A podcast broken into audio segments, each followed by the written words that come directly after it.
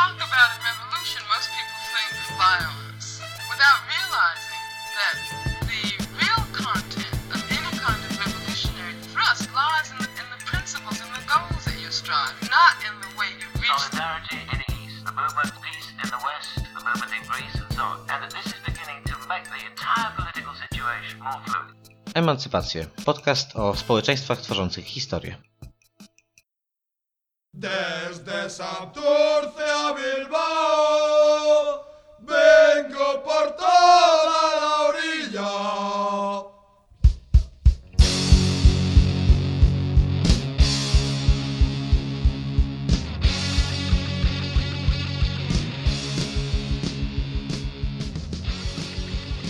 Witajcie, to nasz szesnasty odcinek.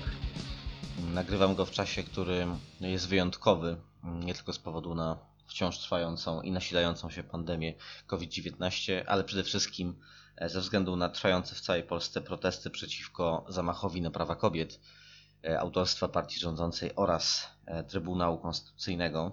To, że w 2020 roku, pandemicznym roku, mm, przyjdzie mi być na największej manifestacji, na jakiej kiedykolwiek byłem w Warszawie, a mieszkam tu od zawsze i od bardzo wielu lat uczestniczę mm, w bardzo różnych demonstracjach. No, to jest rzeczą absolutnie mm, dla mnie zaskakującą, ale jednocześnie niesłychanie budującą.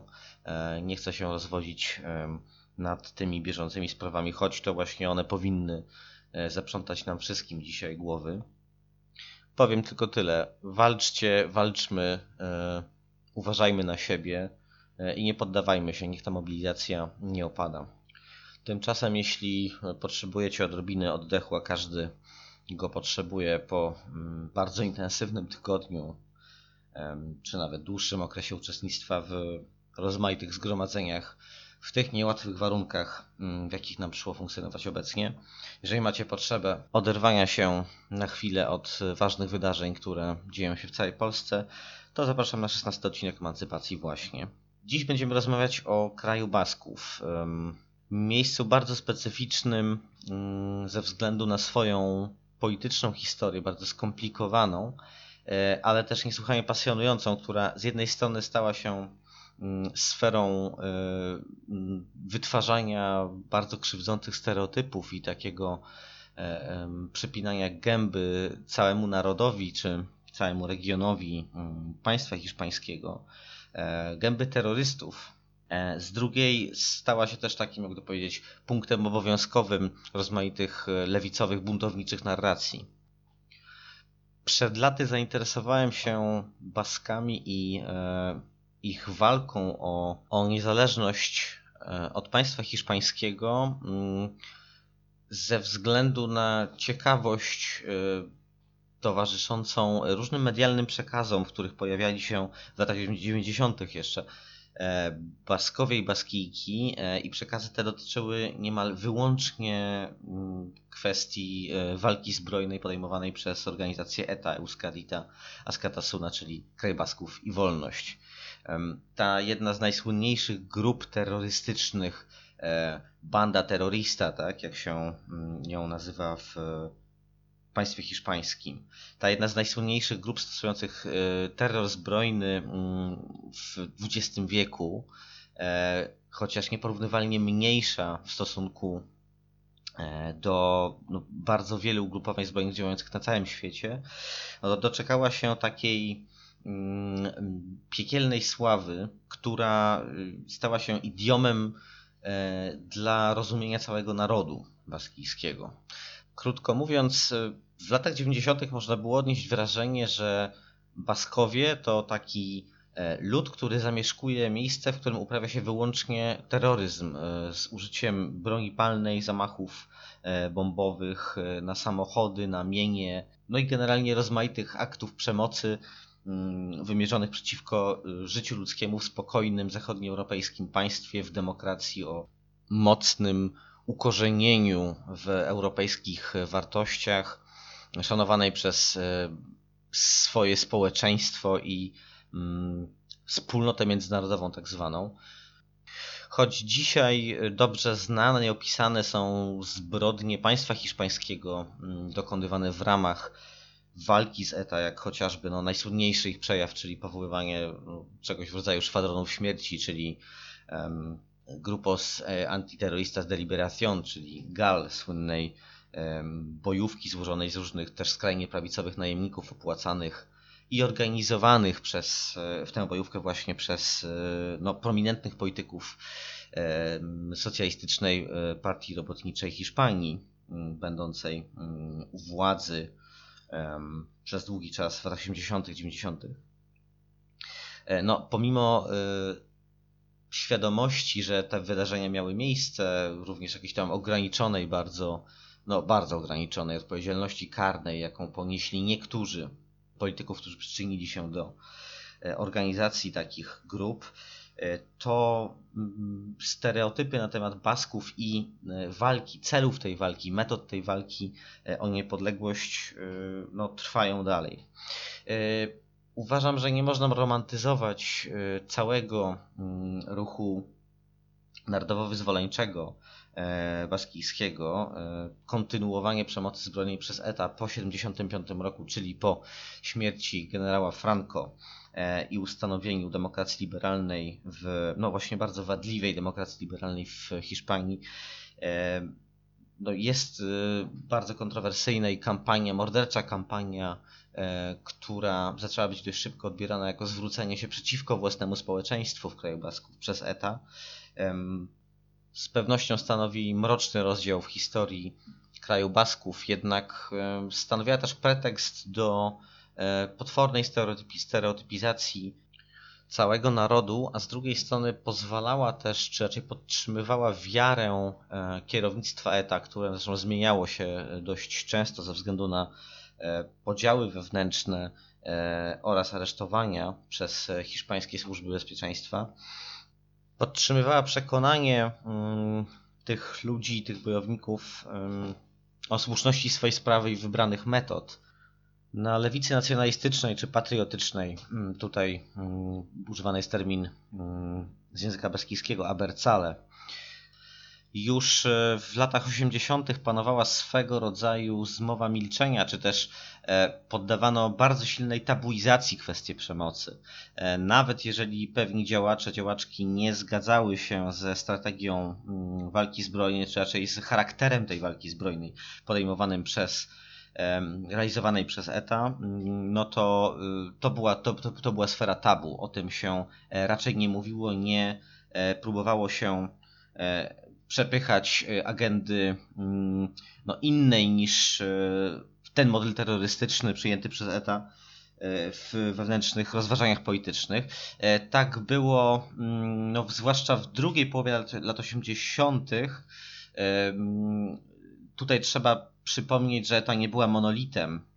E, w 1984 bodajże roku e, zakończyła swoją działalność ETA Politico Militar, czyli taka organizacja, która powstała e, w wyniku no, debat wewnętrznych mm, w ETA, która nie była do końca autonomiczna, w tym sensie, że współdziałała z tym głównym nurtem ETA, ETA Militar, ale Mm, no właśnie skłaniała się oprócz akcji zbrojnych e, wyraźnie mocniej w kierunku działalności politycznej, w kierunku mm, demokratycznych metod e, walki o niepodległość kraju Basków i o jego przebudowę społeczną o charakterze rewolucyjnym. To e, trzeba podkreślić, ponieważ ten popularny wizerunek baskijskiego ruchu niepodległościowego nie dość, że utożsamiany bywa z wciąż e, wyłącznie z bombami, e, zamachami, e, krwią i śmiercią, to jeszcze mm, właściwie jest rozważany w takich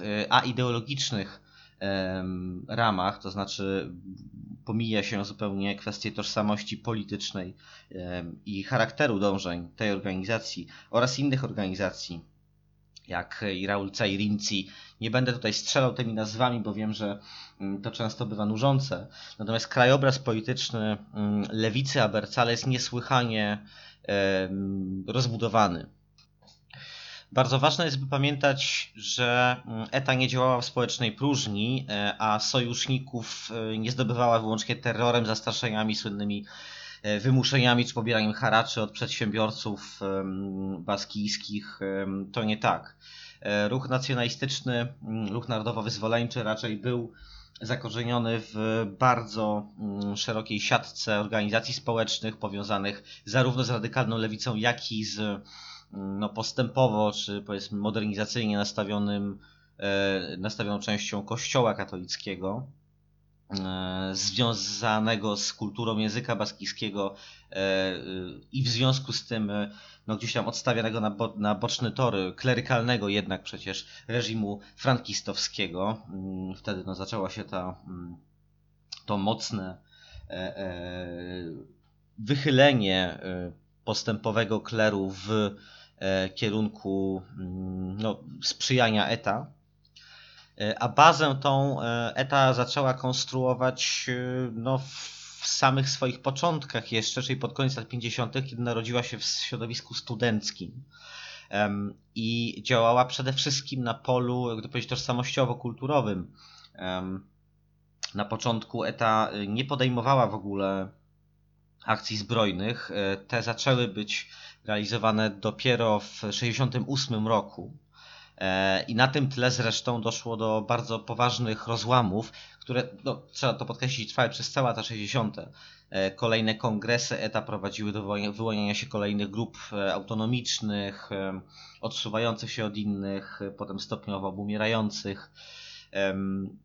ETA mm, w 1968 roku w związku z tym przejściem do walki zbrojnej, chociaż ona wcześniej jakby w deklaracjach, w dokumentach E, tej organizacji można znaleźć wzmianki no, świadczące o tym, że strategia walki zbrojnej nie była wcześniej e, odrzucana jednoznacznie, jednak nie podejmowano tych działań, no takich jak zamachy na przykład bombowe mm, lub e, strzelanie do mm, oficerów Guardia Civil, tak, hiszpańskiej gwardii cywilnej, mm, znienawidzonej formacji paramilitarnej.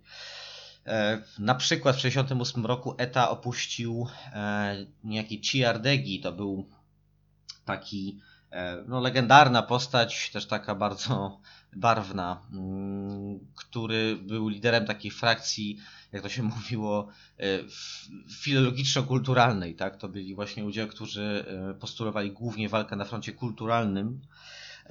Kontrastowała ona i rywalizowała o poparcie z taką frakcją bardziej e, trzecioświatową, jak to się mówi, czyli zorientowaną na rozpatrywanie konfliktu baskijskiego czy konfliktów kraju Basków w kategoriach walki antykolonialnej z państwem hiszpańskim e, oraz z tak zwanym frontem czy frakcją robotniczą, która akcentowała bardzo mocno kwestie ekonomicznej, kwestie walki klasowej baskijskiej klasy robotniczej przeciwko mm, opresji E, przechodzącej z Madrytu oraz e, no, strukturą sprzyjającym tej opresji na miejscu w kraju Basków.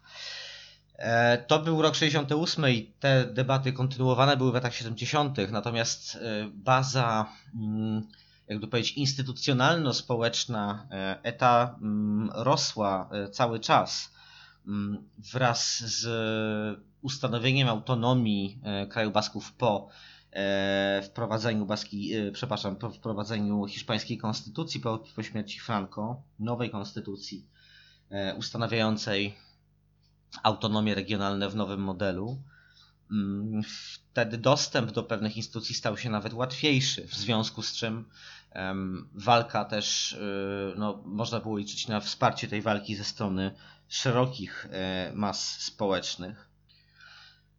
E, bardzo ważną częścią tej bazy były oczywiście partie polityczne, takie jak słynne Harry Batasuna czy Batasuna potem, e, wiele koalicji wyborczych, takich jak Aralar, czy obecnie działająca mm, Echa Bildu. Nie będę też tutaj winkał y, w tą morfologię polityczną sceny lewicowej, gdyż e, no to trzeba by zrobić na temat pewnie trzy oddzielne odcinki. W każdym razie w miarę mm, kolejnych represji wraz z kolejnymi represjami rządu hiszpańskiego, który delegalizował przez całe lata 90., a właściwie no, szczyt tej, tej kampanii delegalizacyjnej partii politycznych baskijskich przypadł na lata 97-2001 mniej więcej. E, no te partie środowiska zmieniały nazwę, wielu działaczy trafiało do więzienia, tak jak Arnaldo Otegi, obecny lider mm, Echa Bildu. Właśnie on był wcześniej działaczem ETA Politico Militar, wspomnianej już. Wszyscy ci ludzie mm, pracowali politycznie na rzecz um, ukonstytuowania się nowego modelu walki o niepodległość i o w, walki o, no, o socjalizm, równość społeczną e, w tym wydaniu właśnie baskijskim, lewicowo-nacjonalistycznym. E, pracowali latami, korzystając mm, z doświadczeń e, także swoich zagranicznych partnerów, często w tych morzących krew w żyłach historiach o ETA wspomina się o ich kontaktach z Irlandzką Armią Republikańską, o której mówiliśmy w drugim odcinku Emancypacji w ubiegłym roku. Mm, natomiast nie wspomina się już e, o tym, że IRA to nie tylko zdawała czy przekazywała ETA podobno jakąś broń, kiedy po podpisaniu porozumień wielkopiątkowych w 1998 roku sama zakończyła kampanię zbrojną, e, ale też mm, ETA e, bardzo uważnie oraz jej otoczenie polityczne przyglądała się, przyglądało się mm, irlandzkiemu procesowi pokojowemu. Efektem tych obserwacji były mm, rozmaite negocjacje podejmowane także zakulisowo z rządem hiszpańskim, który przyjmując swoją i konsekwentnie trwając przy strategii absolutnej delegitymizacji, nieuznawania publicznie e, ETA za głos polityczny uprawniony do mm, no, wybrzmienia w procesie demokratycznym, e, i e, traktującym tak samo całe otoczenie społeczno-polityczne mm, Euskalitas Katasuna, e, no on się nigdy nie przyznawał tak do tego, że faktycznie uczestniczy w takich negocjacjach, e, ale tak było. Dziś e, nie tylko model irlandzki, ale także wydarzenia w Katalonii, tak potężny, gigantyczny, największy w Europie w ostatnich latach ruch społecznego oporu mm, o postępowym charakterze. Oczywiście bardzo złożony politycznie i to nie jest ruch o charakterze rewolucyjnym, ale jednak pokojowy, pomimo niedorzecznych do represji, który poddawany jest e, ruch kataloński z tymi 13-letnimi wyrokami więzienia dla liderów organizacji e, pozarządowych oraz e, mm, partii politycznych, które dajmy, tutaj przypomnijmy, że w Katalonii mm, pomimo istnienia różnych organizacji stosujących walkę zbrojną, no nigdy nie można było mówić chociażby o, nie wiem, no promilu e, tej przemocy, skali przemocy, która stała się udziałem ETA e, w kraju Basków. E, no, ten model kataloński też gdzieś jest inspiracją i dostarcza pewnych wzorców dla mm, Basków, przy czym różnica między, Bas, między krajem Basków a Katalonią jest taka, że mm, dzisiaj poparcie dla mm, całkowitej niepodległości od państwa hiszpańskiego w kraju Basków jest na najniższym poziomie no nie wiem czy w historii, ale na pewno w ostatnich, e, w ostatnich kilkudziesięciu latach.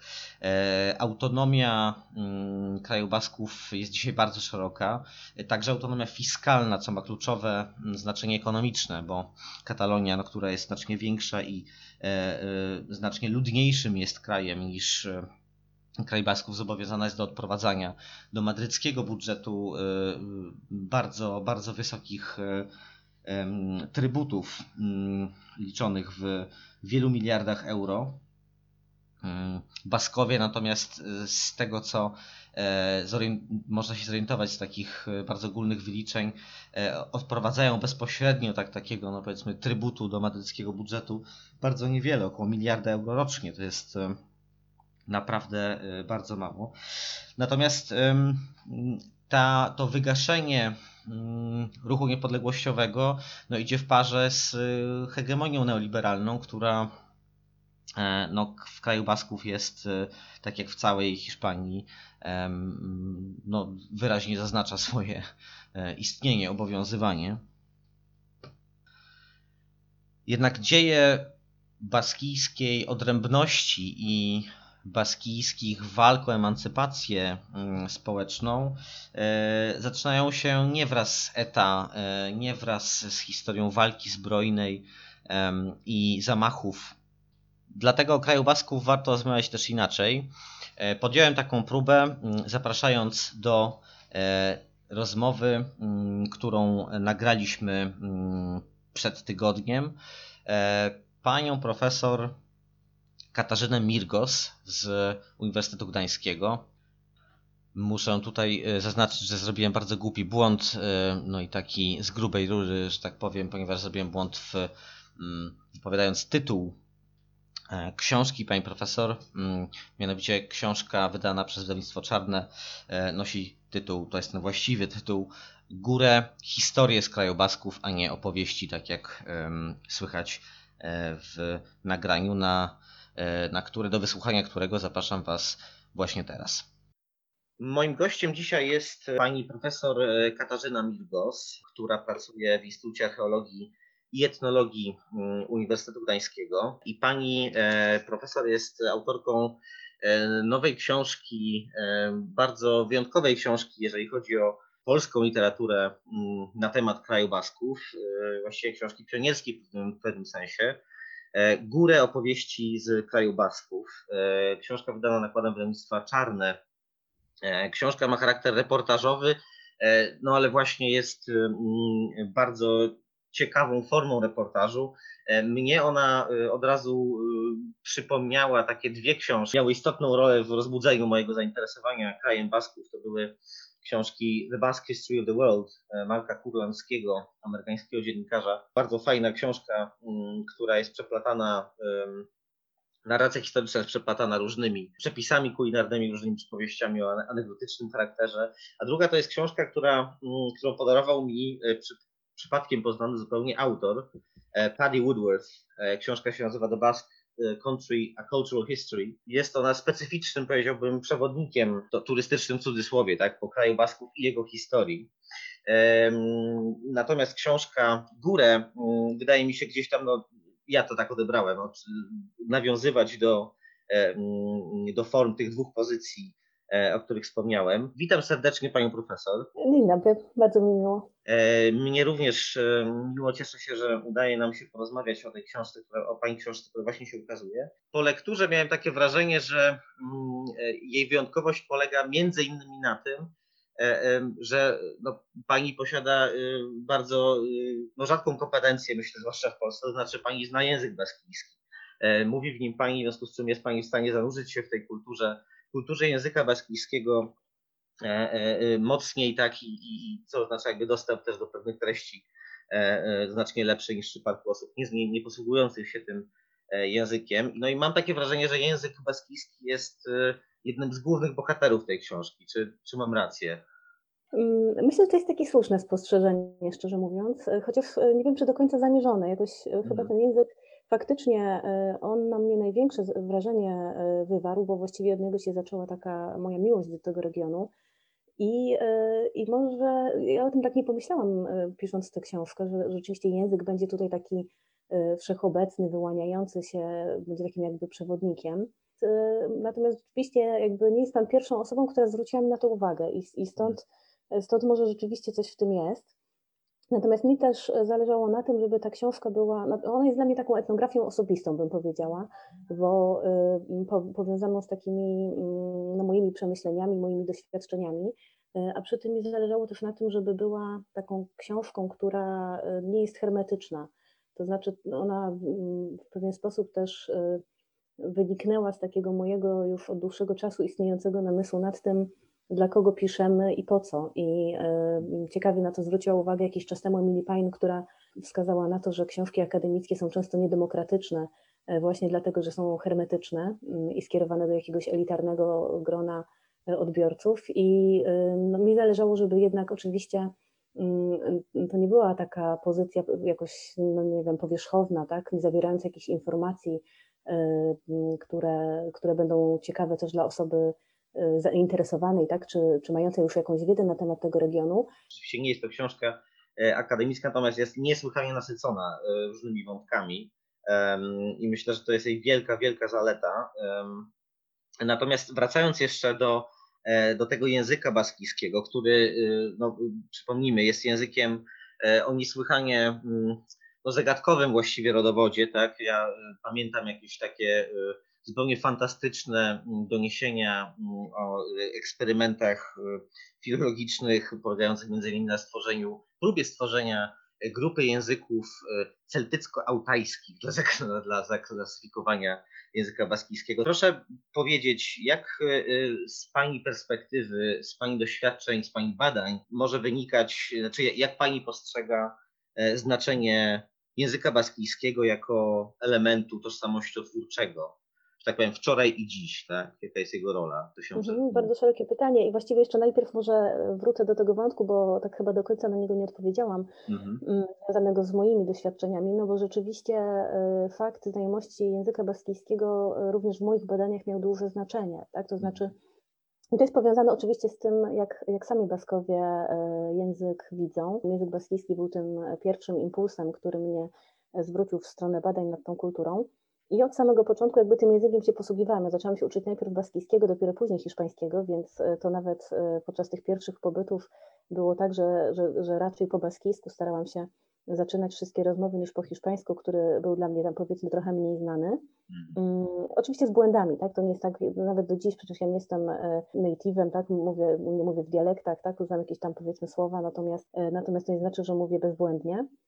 Ale oczywiście porozum- no, czuję jakąś tam swobodę, jeżeli chodzi o porozumiewanie się czy, czy rozumienie tego, co się wokół mnie dzieje.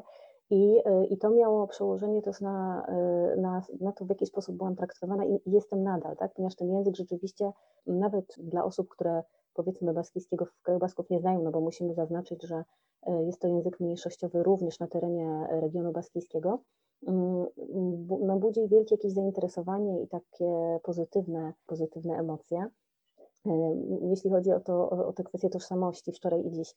Mm, no oczywiście tutaj to, to jest bardzo szeroki temat, tak? No możemy, możemy stwierdzić, że, czy zacząć od, od endoetnonimu, czyli nazwy własnej baskijskiej, czyli Euskaldun, tak? Od Euskara Duena, ten, kto posiada Euskarę, czyli ten, kto mówi w języku baskijskim. Jeśli analizujemy różne nurty, ideologie, postawy, czy takie powiedzmy jakoś spróbujemy podzielić sobie etapy kształtowania się tożsamości, no to język nie zawsze oczywiście odgrywał e, tę rolę dominującą, natomiast e, dla wielu osób jednak e, cały czas stanowi pewien bardzo ważny punkt odniesienia, tak? czyli Baskin jest ten, kto mówi po baskijsku, a jeśli, tak jak nawet Arana mówił, tak, nie zna baskijskiego, no to, to, to ze względu na ten patriotyzm swój się go nauczy.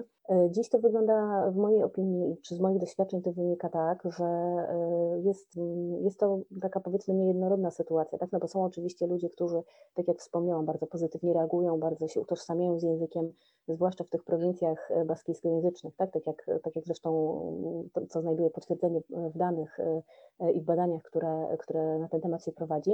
Natomiast jest też e, spora grupa osób, która uważa się za Basków, czuje się Baskami, ale po baskijsku nie mówi, więc się nie utożsamia z językiem i, i nie widzi tutaj takiej konieczności mm, czy takiego synonimu pomiędzy byciem baskijskojęzycznym i byciem Baskiem.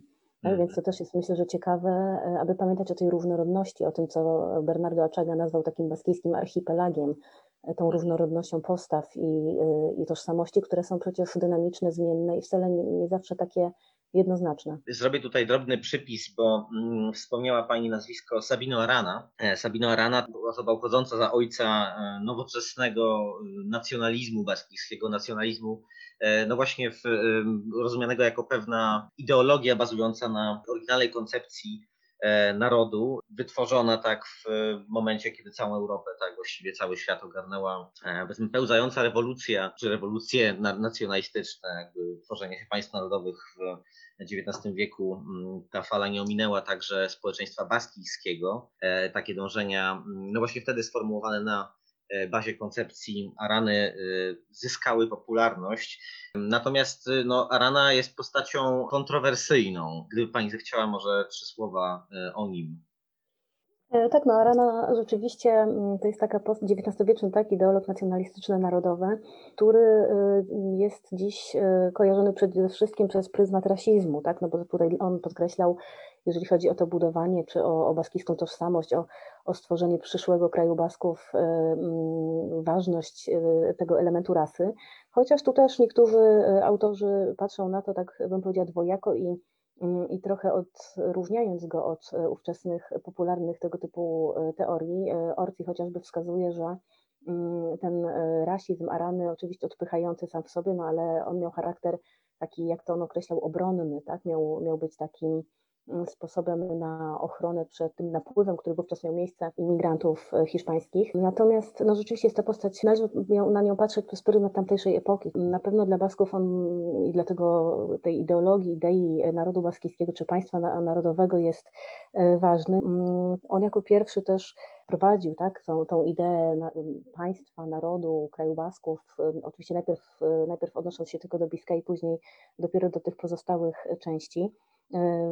Jest autorem przecież szeregu neologizmów, tak, jeżeli tutaj znów zahaczymy o język, od nazwy, tak, Euskaleria, Euskadi, przecież on na, na, to, na to wskazywał, czy Abercale i Kurinia, tak, no to jest cały szereg różnych neologizmów, które E, które, które się pojawiły, tak, no bo on tutaj jakby twierdził, że Euskaleria, no to określenie takie bardziej geograficzne, stąd Euskadi, e, które później tam było jakoś dalej rozwijane. Język e, nie był dla niego oczywiście takim kluczowym składnikiem tej waskijskiej przyszłej tożsamości, ale również ważnym. To taka postać faktycznie kontrowersyjna, natomiast bez wątpienia ważna, hmm. tak, pod wieloma względami. Natomiast w XX wieku nacjonalizm baskijski czy tożsamość narodowa, tak, te terminy są oczywiście bardzo e, tutaj problematyczne z wielu względów. Zresztą pani, to jest ciekawe w pani książce, mam wrażenie, że pani tam e, posługuje się wymiennie, e, z dużą swobodą tymi różnymi nazwami o, różnym rodowodzie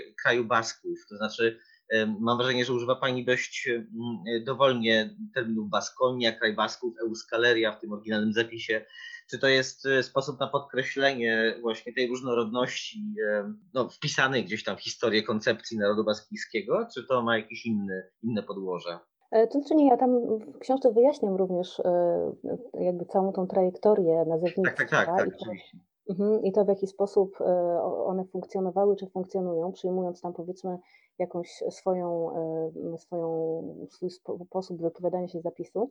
Mm, bo rzeczywiście to jest tak, że y, no musimy pamiętać o tym, że te konkretne nazwy, nawet Euskadi, tak, pisane przez S czy przez Z, one miały pewien wymiar, taki kontekst y, historyczny. W mm. języku polskim ja zazwyczaj też raczej mówiąc kraj Basków mówię o siedmiu prowincjach, a, a mówiąc Baskonia bardziej o Euskadi, czyli o tych y, trzech prowincjach tworzących region autonomiczny. Mhm. No, no, no, myślę, że jednak dla polskiego czytelnika to nie jest, to nie jest jakby takie Mm, wyraźne, tak, czy tutaj rzeczywiście może jako synonim być odebrane. Mhm. No niemniej starałam się wyjaśnić na samym początku, w jednym z pierwszych rozdziałów właśnie e, tą złożoność e, nazewnictwa, to, że rzeczywiście w różny sposób można mm, tymi pojęciami jakoś się posługiwać i że no jednak to najbardziej takie powszechne, no to właśnie e, odnosi się do Euskalerii jako siedmiu prowincji, natomiast Euskadi jako regionu autonomicznego. Mhm. W Pani książce mm, to też jest kolejna jej zaleta y, w mojej ocenie. E, no, poświęca Pani mm, znacznie więcej miejsca y, opowieści o baskijskiej codzienności, o, o życiu w kraju Basków, o kulturze takiej obserwowanej od kuchni, e, tak tutaj może trochę niezręcznie się wyrażę, e, na to, jak unikając jednocześnie, unikając, e, po prostu kontrując, tak, wydaje mi się, tę no, niesłychanie zakorzenioną w czymś, co można by nazwać tak opinii publicznej, opinią publiczną wizji kraju Basków jako krainy nierozerwalnie związanej z terroryzmem i z przemocą. Tak? E, tożsamość baskijska właściwie w takich e, głównie za sprawą medialnych przekazów e, no, wydała się, wydaje się zlewać po prostu z kwestią przemocy zbrojnej. Organizacja ETA, Euskaritas Katasuna, tak, Kraj Basków i Wolność jest pewnie naj, naj, naj, najczęstszym skojarzeniem z krajem Basków niestety. W, tak mi się wydaje, globalnie być może. Natomiast no też ta kwestia jest nie do uniknięcia tak, przy jakiejkolwiek dyskusji o e, historii kraju Basków. Natomiast e, czymś, co mnie szczególnie interesuje w kontekście mm, no, walki o e, niepodległość suwerenność narodową, własne państwo Basków, jest no, złożoność tego procesu. ETA jest tylko jednym z jego elementów, bardzo istotnym elementem. Jednak tutaj kluczowe mm, jest według mnie wpisanie, znaczy rozumienie działalności ETA jako elementu czegoś szerszego, co można by nazwać e, lewicą Abercale, tak? czyli e, lewicą patriotyczną, jak rozumiem, należałoby to bezpośrednio z baskijskiego przetłumaczyć. Czy może Pani opowiedzieć coś o swoich, oczywiście w książce znajdujemy też sporo na ten temat, o swoich doświadczeniach z no, ruchem narodowo-wyzwoleńczym baskijskim. Mhm, tak, na początku jeszcze tak odniosę się do, tych, e, do, do tego, od czego Pan zaczął, czyli właśnie od, tej, od tego życia od kuchni. Bardzo trafne zresztą, zważywszy na to, że o kuchni też piszę. Mm, Prawda, tak. e, co, tak, coraz bardziej mnie interesują po prostu e, takie mikrohistorie, to znaczy taka perspektywa mm, zwyczajnego człowieka, bym powiedziała, tak? I jednocześnie ta, ta różnorodność, która, która tam faktycznie jest widoczna na różnych poziomach. No przecież mówiąc o baskijskiej tożsamości, to raczej powinniśmy powiedzieć o baskijskich tożsamościach. Tak, Mm. mówiąc o baskijskiej kulturze, to raczej e, no, właściwsze jest mówienie o baskijskich kulturach. E, To, to, to, ten pluralizm jest tam bardzo mocno zauważalny. Tak? Mówimy chociażby o kulturze baskijskiej i baskijskojęzycznej. Tak, Mhm. to też nie są e, do końca tożsame pojęcia. Mm, I ta kwestia przemocy. No rzeczywiście jeszcze podczas tego mojego, czy zanim po raz pierwszy pojechałam do kraju Basków, no to, to wydawało się mi, że e, te skojarzenia, które w ogóle w Polsce jakiekolwiek, je- jeżeli w ogóle, tak, budzi kraj Basków, no to tylko i wyłącznie e, z zamachami ETA. Mm, I stąd też takie ostrzeżenia, które, e, którymi w dobrej wierze mnie częstowano, tak, żeby uważać, że to jest niebezpieczny kraj, że może lepiej pojechać w inne miejsce.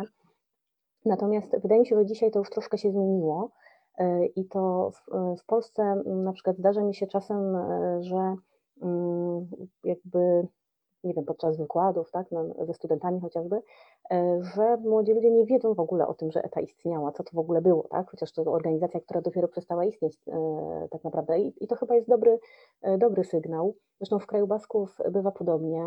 Jeden z moich przyjaciół, który jest nauczycielem w szkole, Mówił, że wśród jego uczniów e, 12-13-letnich e, też nie wszyscy wiedzą dokładnie, czym była ETA. Hmm. Tak więc to też jest taka, taka, taka, taki, taki, myślę, znak e, interesujący. E, W jednej z e, ofert biur podróży polskich też widziałam takie, taką zachętę do wyjazdu do kraju Basków jako takiego najbardziej magicznego regionu Hiszpanii.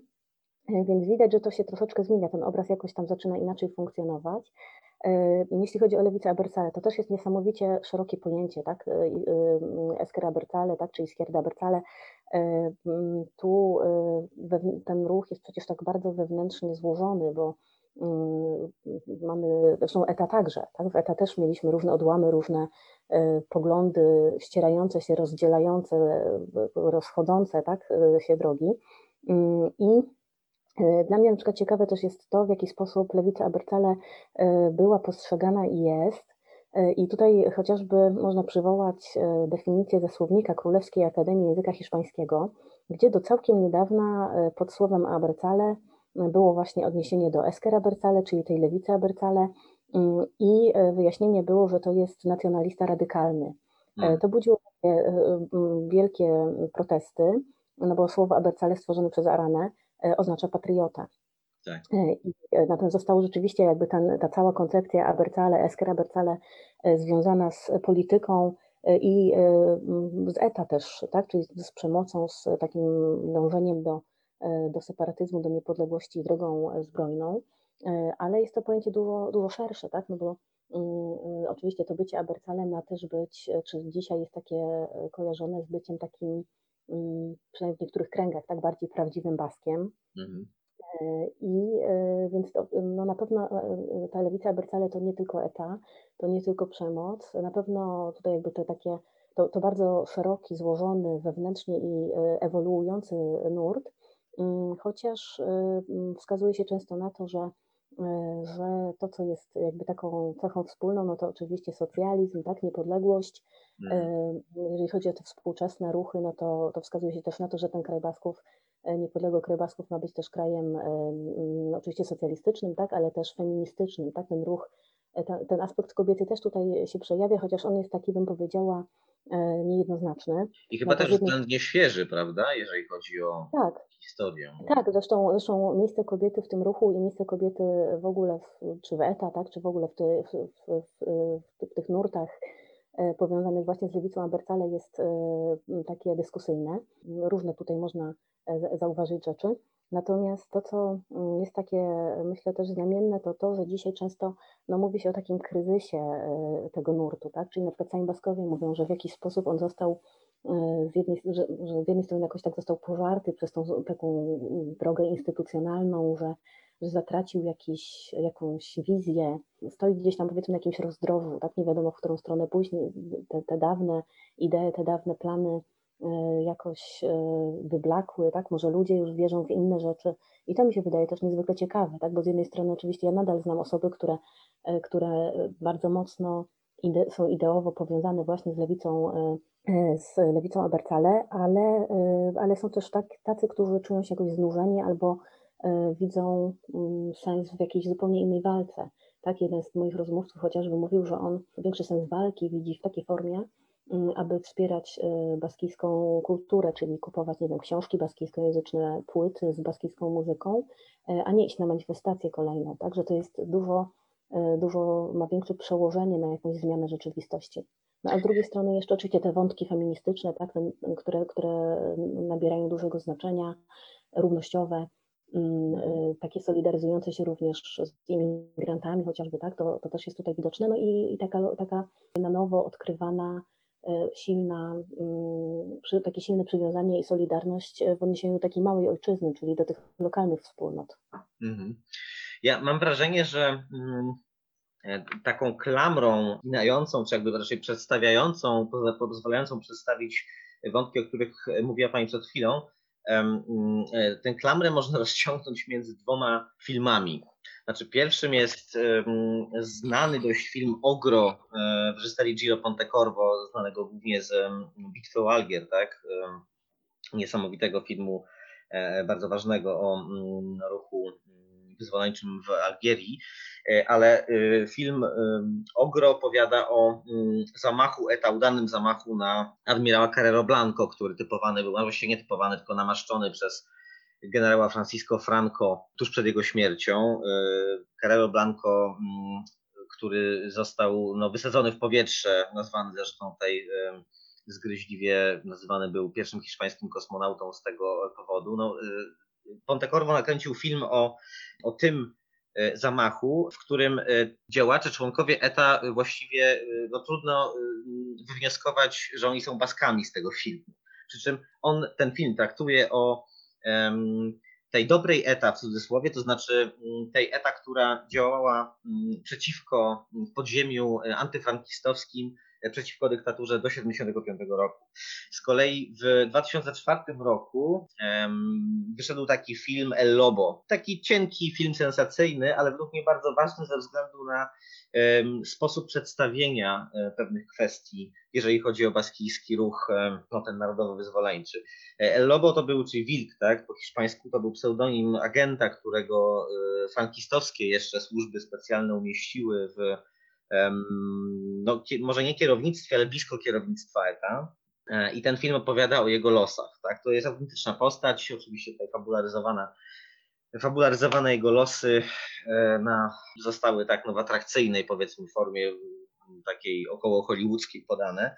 Natomiast e, to, co jest interesujące w tym filmie, to to, że on pokazuje ETA jako organizację właściwie takich no, niedorzecznie zachowujących się rządnych krwi radykałów, e, jakieś wątki rasistowskie tam są e, wplecione i jest ważny wątek kobiecy, mianowicie kobieta, działaczka mm, ETA jest tam e, pokazana jako taka no, perfekcyjna dzika w cudzysłowie, tak? bo z jednej strony jest no, oczywiście patrzenie na nią jest takie ultrakonserwatywne, tak? więc jakby w tych kategoriach rozumując ona jest pokazana jako rozpasana seksualnie, tak, jako, jako no wiecznie knująca coś, z drugiej strony niewierna też, ale też patrzona w męskiego swojego przełożonego, tak, szefa, jak Boga, tak.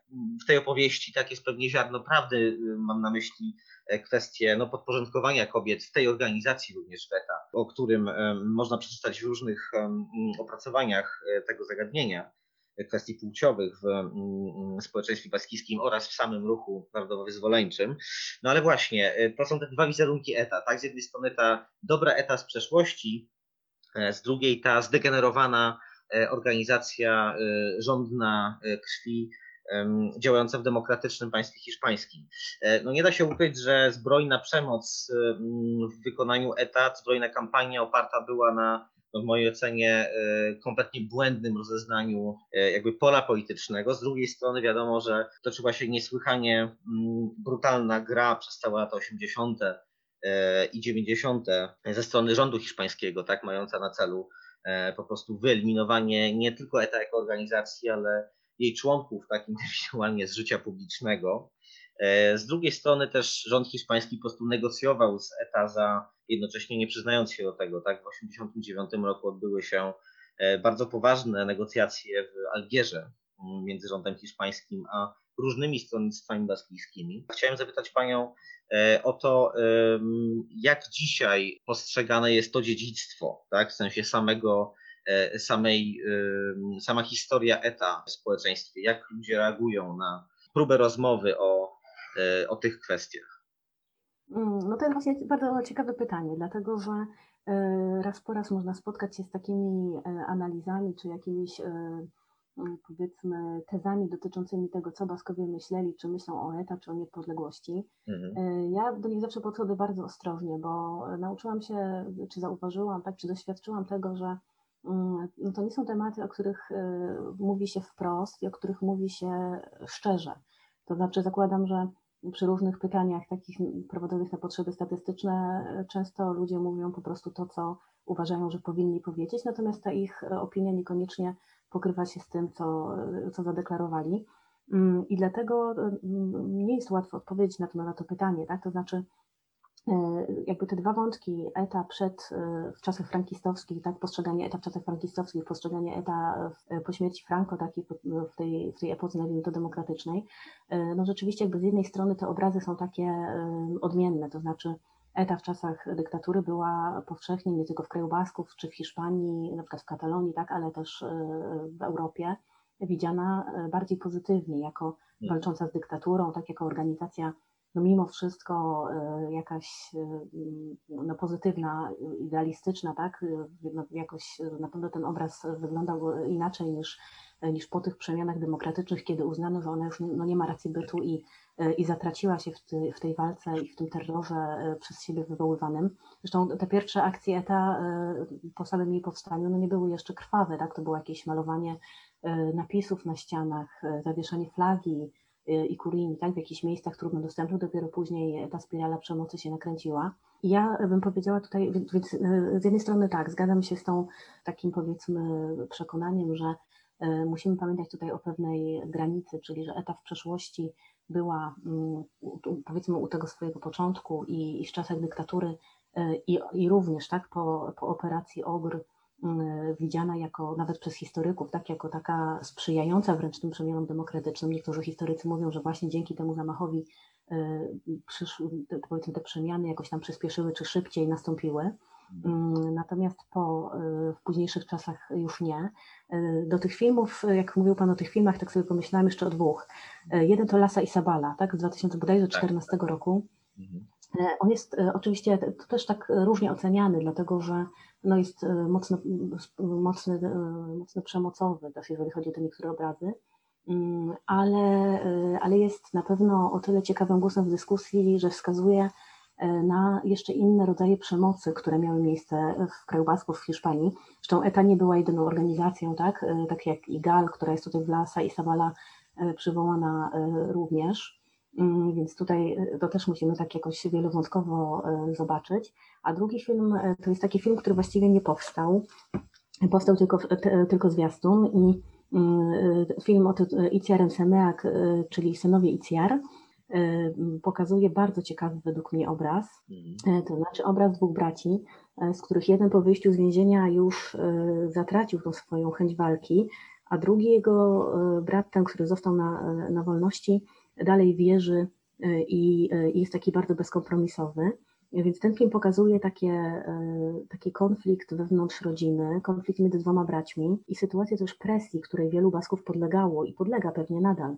E, presji ze strony otoczenia czy ze strony najbliższych, więc to mi się wydaje też bardzo ciekawą wizją, żeby e, ten konflikt, czy to po pierwsze zobaczyć tak bardzo wielowątkowo, bo nie tylko ETA, nie tylko Hiszpania e, tutaj są tymi głównymi aktorami, a z drugiej strony, żeby też to, że czasem po tych dwóch stronach barykady stają przyjaciele albo bracia wręcz.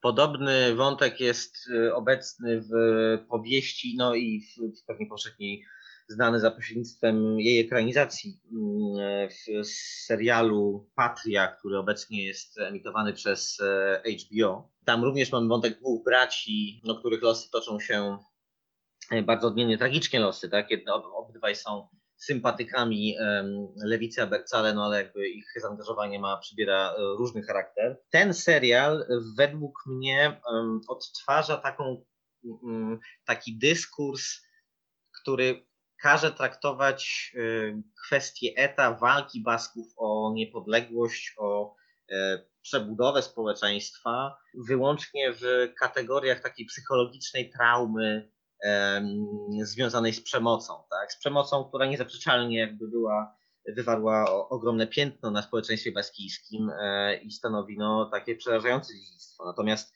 mm, mam wrażenie, że to jest E, taki standardowy sposób na pomijanie w ogóle kwestii społecznych, na to, żeby opowiadać o tej przemocy jako takim no, terrorze samym w sobie, tak, który pojawia się tak trochę znikąd, trochę nie wiadomo dlaczego i tak dalej. I mamy tam w tym dyskursie według mnie występuje młodzież paskijska dokonująca kaleboroka, tak, czyli no, powiedzmy specyficznego rodzaju wandalizmu ulicznego, politycznej treści. Tutaj mamy tą właśnie młodą, e, masę młodych jako właśnie działających niedorzecznie pod wpływem jakiejś straszliwej ideologii, niezrozumiałej, niepotrzebnej i tak.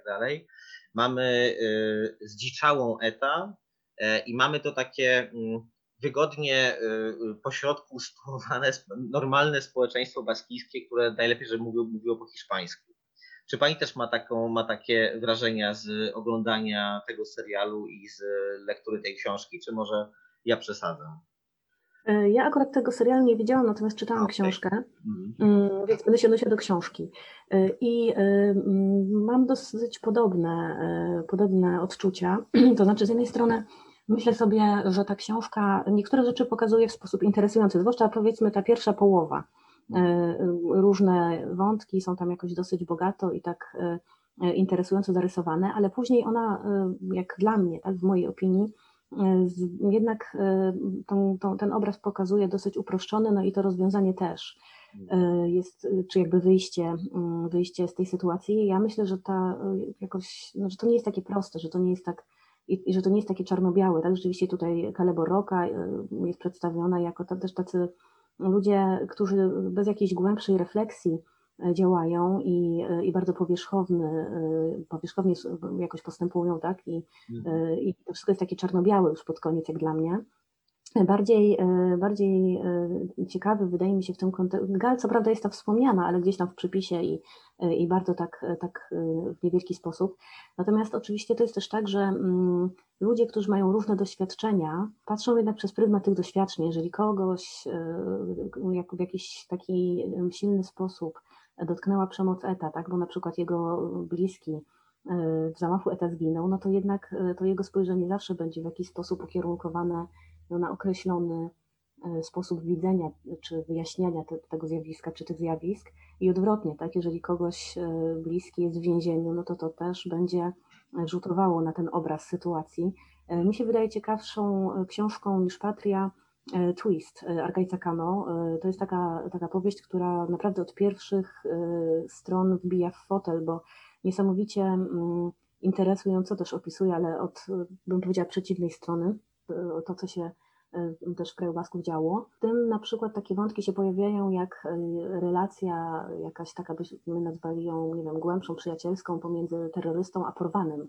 Tak, to też jest e, taki wątek, który mi się wydaje dosyć interesujący. Natomiast jeszcze tak wracając do te, tego poprzedniego pytania, mm, bo tak sobie przez chwilę jeszcze o tym myślałam, czyli o tym, w jaki sposób jest postrzegana ETA, no to przypomniały mi się takie dwie wypowiedzi e, moich rozmówców. Jedno takiej kobiety, która ma dzisiaj lat 70 e, i ona e, mówiła, że te pierwsze akcje, te pierwsze zabójstwa, porwania, kiedy się wydarzały, to ludzie sobie mówili, że czy wyjaśniali, że no, no to musiał coś ten człowiek zrobić, tak, że on musiał być w jakiś sposób winny. Natomiast później, kiedy tych, tych ofiar było coraz więcej, to rósł, to rósł sprzeciw wobec takiej drogi, wobec takiej przemocy. I myślę, że właśnie to chyba jest takim e, elementem, który, który też spowodował to, że, że ETA dzisiaj nie ma, tak? To znaczy ten sprzeciw i niezgoda na to, żeby, żeby właśnie tą walkę zbrojną kontynuować, tak? Tą walkę zbrojną, która na początku właśnie przez Lewicę Abercale była też uważana, czy przez ETA za coś niezbędnego, koniecznego. E, ta niezgoda na przemoc, to jest chyba ten element, który, który jest taki łączący, mm, ale e, no to jest społeczeństwo głęboko według mnie poranione. Nie wiem, tutaj ta psychologiczna trauma myślę, że tak bez, e, no jednak występuje, można ją zauważyć. Mhm. Sam fakt tego, że ETA już nie istnieje, nie powoduje, że problemu już nie ma, czy że, że zasypane zostały wszystkie mm, doły, tak, bariery zniknęły pomiędzy tymi ludźmi. Ten dialog nie jest taki prosty. Tak, tak jak jedna z e, moich rozmówczyń mi powiedziała, oni jakby nie są w stanie już się porozumieć, nawiązać dialogu, wybaczyć, e, to muszą po prostu już kolejne pokolenia minąć, tak, żeby to wszystko, to jest zbyt świeże, te rany są dla wielu osób zbyt, zbyt świeże i, i wiele problemów jeszcze jest nierozwiązanych, między innymi dlatego, że nie ma powszechnej akceptacji co do takiego rozwiązania, wybaczenia, przyznania się do winy. Mm, I przypomniała mi się wypowiedź jeszcze e, właśnie drugiego mojego rozmówcy, który powiedział, że on nie może powiedzieć, że ETA jest dobra, ale nie może też powiedzieć, że jest zła. I to mhm. też jest, e, myślę, że ciekawa, e, ciekawy, ciekawa perspektywa, ponieważ no, ona znów nie, nie jest taka czarno-biała. Tak mi było o tyle łatwiej, rozmawiając z różnymi osobami, że jakby osobiście nie jestem uwikłana w żadną taką relacje, to znaczy ani mój bliski nie jest w więzieniu, ani mój bliski nie zginął, tak? Więc tak. E, w tym momencie zawsze łatwiej było mi występować w roli adwokata drugiej strony, rozmawiając e, z konkretnymi osobami, mm, ponieważ no, nie, nie ciążyła na mnie ani taka presja e, otoczenia, ani presja emocjonalna moja jakaś prywatna, nie? związana z moimi doświadczeniami. Natomiast no jednak ludzie, którzy tam żyją, mają mm, te doświadczenia całkiem inne, tak? Oni, oni są wewnątrz tego, tego całego tygla, nazwijmy to. Tak. Chciałem jeszcze zapytać e, Panią o, mm, o francuską stronę e, kraju Basków, ponieważ e, nie wspomnieliśmy na początku, tak, cztery prowincje leżą po stronie hiszpańskiej, trzy mniejsze, jednak niezwykle znaczące tak pod względem wkładu w kulturę baskijską, leżą po stronie francuskiej. Po stronie francuskiej ETA prawie nigdy nie podejmowała działalności zbrojnej, ponieważ tam kierownictwo ETA E, no w ramach doktryny Mitterranda w latach 80. mogło liczyć na mm, pewien azyl, tak, to znaczy na e, pewną e, spokojną przystań i stamtąd kierowało walką zbrojną po stronie hiszpańskiej. Natomiast to nie jest tak, że po stronie francuskiej nie działały żadne organizacje mm, nie proniepodległościowe.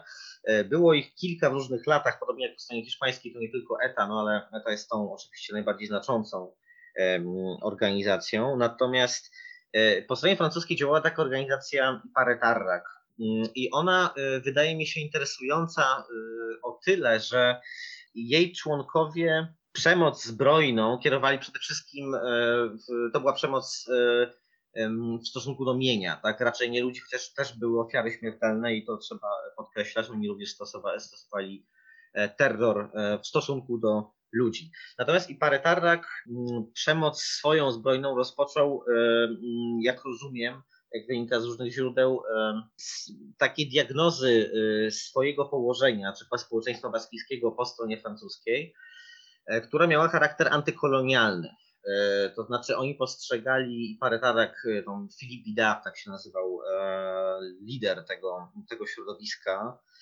On w jednym z wywiadów E, który gdzieś tam czytałem kiedyś, e, no bardzo uwydatniał tę kwestię antykolonialną, mianowicie e, dlaczego posługuje się terminem antykolonialna. On postrzegał, czyli Paretarrak jako organizacja postrzegała gospodarkę w tej części państwa francuskiego jako umyślnie z Paryża, tak, przekierowywaną na coś, co moglibyśmy nazwać monokulturą turystyki, czy monokulturą turystyczną. To znaczy w francuski kraj Basków miał być po prostu mm, jednym wielkim kurortem dla e, no, paryskich czy w ogóle francuskich, e, raczej zamożniejszych klas e, społecznych, które tam miały mieć swoje domy letniskowe. No i właśnie te domy letniskowe stały się obiektami najważniejszych ataków i paretarrak ta narracja e, i Partarek właśnie e, dlatego mi się wydaje istotne, że podejmuje te kwestie, to znaczy utrzymywania przez państwo francuskie kraju Basków w niedorozwoju, tak? A z, jed, a z drugiej strony bardzo e, takim no, y, propagowaniem takiej folkloryzacji kraju Basków, to znaczy portretowaniu tego miejsca jako takiego, y, jako takiej stopklatki historii, tak trochę zatrzymanego w czasie regionu, gdzie żyją tak wieśniacy ze swoimi, ze swoim folklorem, który jest atrakcyjny dla letników, tak, czy ludzi przybywających na wakacje z bogatych miast Francji właściwej, tak powiedzmy. Więc mam pytanie, czy takie e, kolonialne, znaczy z jednej strony o, o, ten, o, ten, o tę francuską część kraju Basków, jakie są Pani doświadczenia stamtąd, a z drugiej strony o, chciałem też zapytać o ten o, postrzeganie położenia własnego przez Basków Baskiki jako no, sytuacji kolonialnej. Czy to jest wciąż pogląd popularny? Mm, tak, zdecydowanie. E, na początku jeszcze może a propos Iparytarak, e, warto też o tej nazwie, mhm. bo e, to przecież Iparalde, tak, czyli ta część północna, a Ego Alde to część południowa, czyli ta część leżąca mm, w Hiszpanii, kraju Basków, czyli te cztery prowincje, a Iparalde to, to ta część północna, bo nie każdy jakby tutaj myślę, że za słuchaczy też jakby to wyłapie. Natomiast i rzeczywiście jest to organizacja mimo wszystko najbardziej znana, jeżeli chodzi o tą część francuską, chociaż, chociaż i tak w sposób pewnie niewielki, no bo ETA każdy kojarzy, i parytarek na przykład, tam jakieś pojedyncze prace powstały, e, ale no, o, o niej się aż tak dużo nie mówi, tak często, często jej nie analizuje. E, faktycznie ta część francuska, no to taka, ta, taki, taki kurort, no bo tam e, i już takich dużo wcześniejszych, tak, czyli przed i parytarak czasach ta popularność tej części E, wybrzeża, tej części Francji była, e, była dosyć duża. Mm, I, e, a natomiast ten mnie akurat szczególnie interesuje ta kwestia językowa, tak, bo warto też pamiętać, że tutaj to Iparalde to taka, czyli ta francuska Waskonia, ona jest w najtrudniejszej sytuacji, na to się często wskazuje językowo-kulturowej, ze względu na, też na to, jak, jak we Francji traktowane są, są grupy mniejszościowe. I mm, o ile chociażby tak, w tym regionie autonomicznym e, w Hiszpanii e, język baskijski jest, jest językiem e, oficjalnym obok języka hiszpańskiego, no to we Francji tutaj ten problem jest na tyle duży, że często wskazuje się, że w tej francuskiej części jest językiem zagrożonym wyginięciem. Mm, I, no i oczywiście to Iparalde nie tworzy tak jakby jednej części, jednego wspólnego regionu, jeżeli chodzi o jakieś tam departamenty.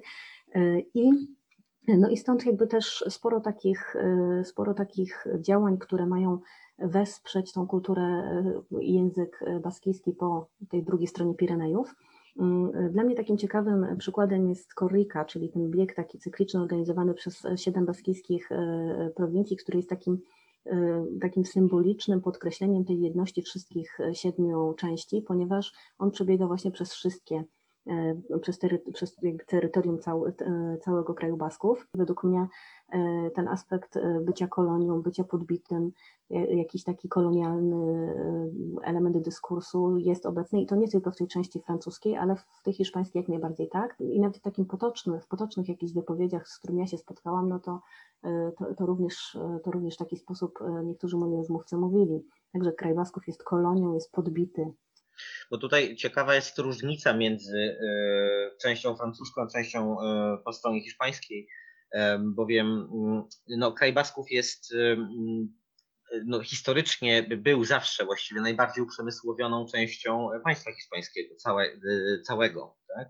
Natomiast z kolei po stronie francuskiej no, mamy zapóźniony, raczej trzymany w niedorozwoju tak, region rolniczy, podobnie zresztą jak sąsiadująca z nim e, prowincja Bearn, która razem tworzą Departament Pirenejów e, Atlantyckich. Istnieją różne prace, które pokazują, że mm, rzeczywiście tam mamy do czynienia z taką no, gospodarką, czy jakby no, strategią gospodarczą narzuconą z Paryżu, która ma, ma utrzymywać ten kraj w takim no, e, niedorozwoju i folklorystycznej atrakcyjności co bardzo mocno kontrastuje z mm, tym no, uprzemysłowionym, jednak dość zamożnym baskijskim e, e, południem e, po stronie hiszpańskiej. Niemniej wizerunek baska prowincjusza, tak, mówiącego jakimś dziwnym, niepokojącym językiem, jak rozumiem również w Hiszpanii, tak cały czas gdzieś tam miewa się chyba dobrze, czy już wygląda to inaczej w tej chwili?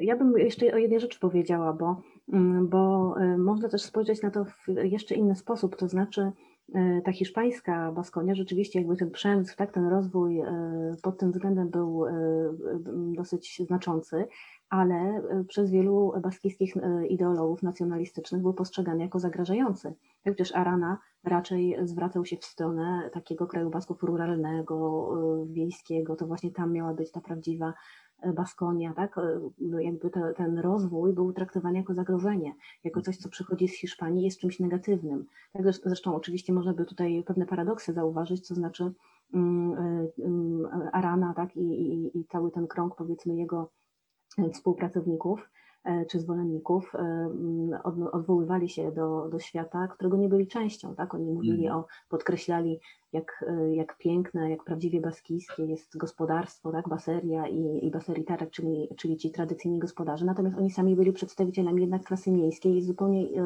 w innym, w innym świecie żyli. Tak? Niektórzy sobie żartują, że, że ten wieśniak baskijski, który był takim wzorem dla Arany, nie zrozumiałby tego, tych zawołań tak, czy, czy tych odezw, które, które Alana do niego kierował.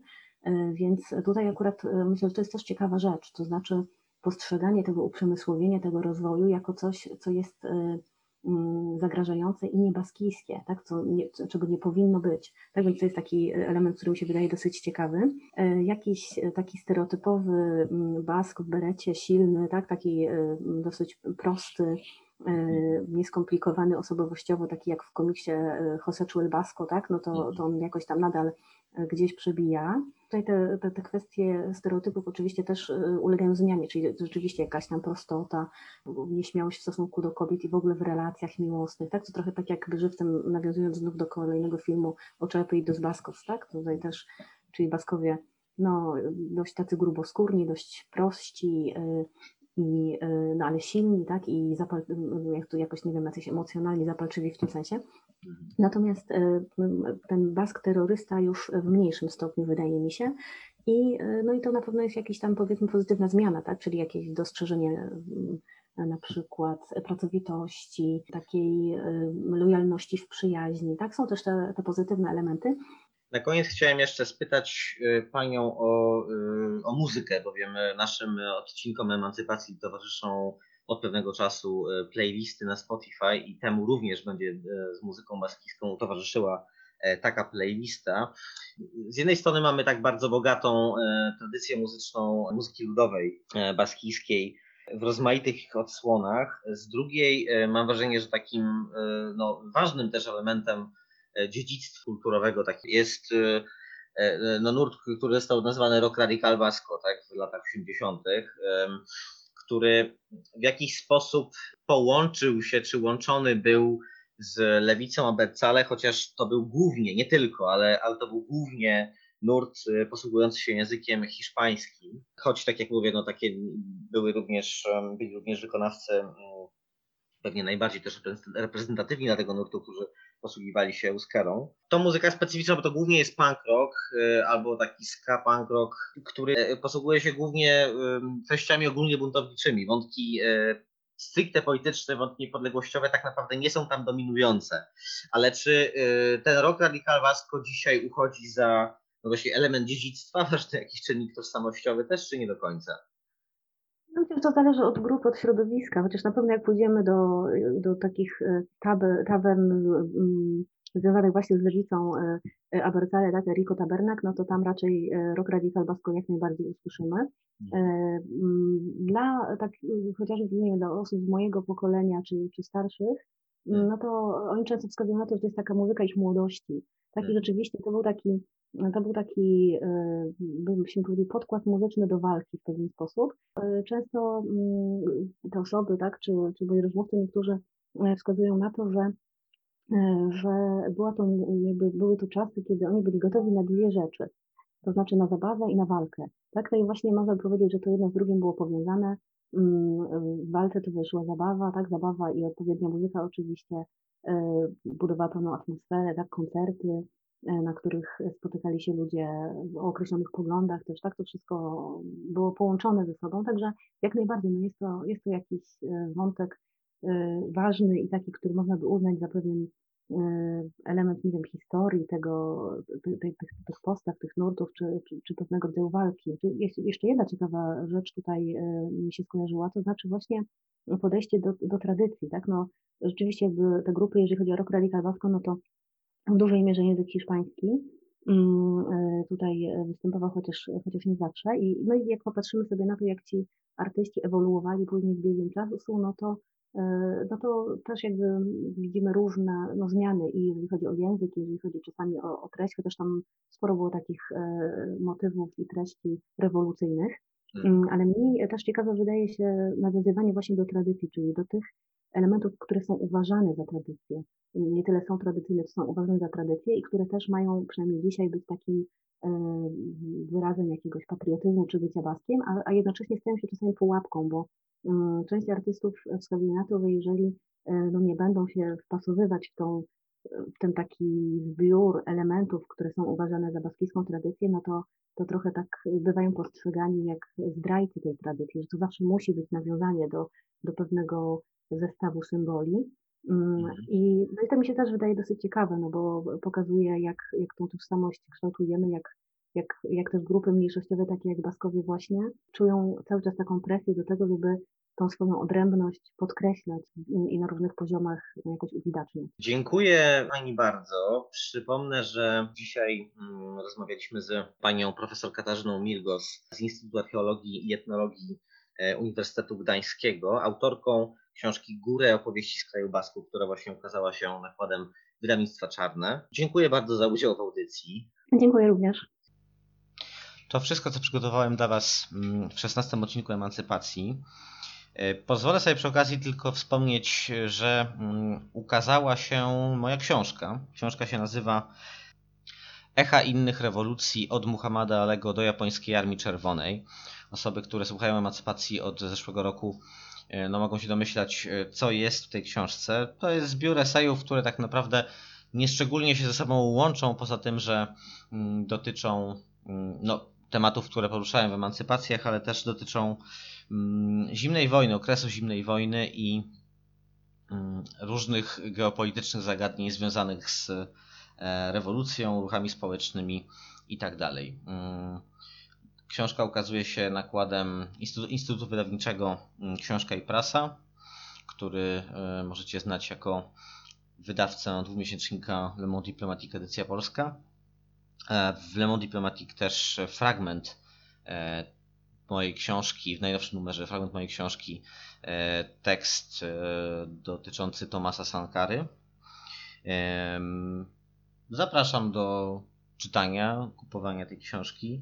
E, Bardzo się cieszę, że e, ona mogła się ukazać. To mm, kolejny e, powód, dla którego mam ochotę kontynuować robienie tego podcastu. Już niebawem spotkamy się w odcinku 17. Na sam koniec dodam już tylko mm, rzecz następującą. Od pewnego czasu dostaję od Was sporo różnych pytań w sprawach dotyczących odcinków emancypacji, jak i zupełnie innych e, pytań e, o e, no, jakieś fakty historyczne, różne rzeczy. E, Jeżeli komuś nie odpowiedziałem, to bardzo proszę, by się przypomniał, ponieważ e, w ten e, no, niełatwy pandemiczny czas e, różne rzeczy zwalają się na głowę w nieoczekiwanych momentach, e, więc nie zawsze e, każdemu zdążę odpowiedzieć, a zależy mi na tym, żebyśmy mieli kontakt. Więc dziękuję Wam bardzo za wszystkie pytania e, i do usłyszenia już niedługo. Aha, jeszcze y, możecie wyczekiwać, y, możecie oczekiwać playlisty z baskijską muzyką, nie tylko z baskijskim punk rockiem, z różnymi e, ciekawymi rzeczami na Spotify e, już w najbliższych dniach, więc e, zapraszam do śledzenia e, emancypacyjnego Facebooka, e, gdzie, gdzie mm, wszystkie linki i potrzebne informacje będą już niedługo. Do usłyszenia.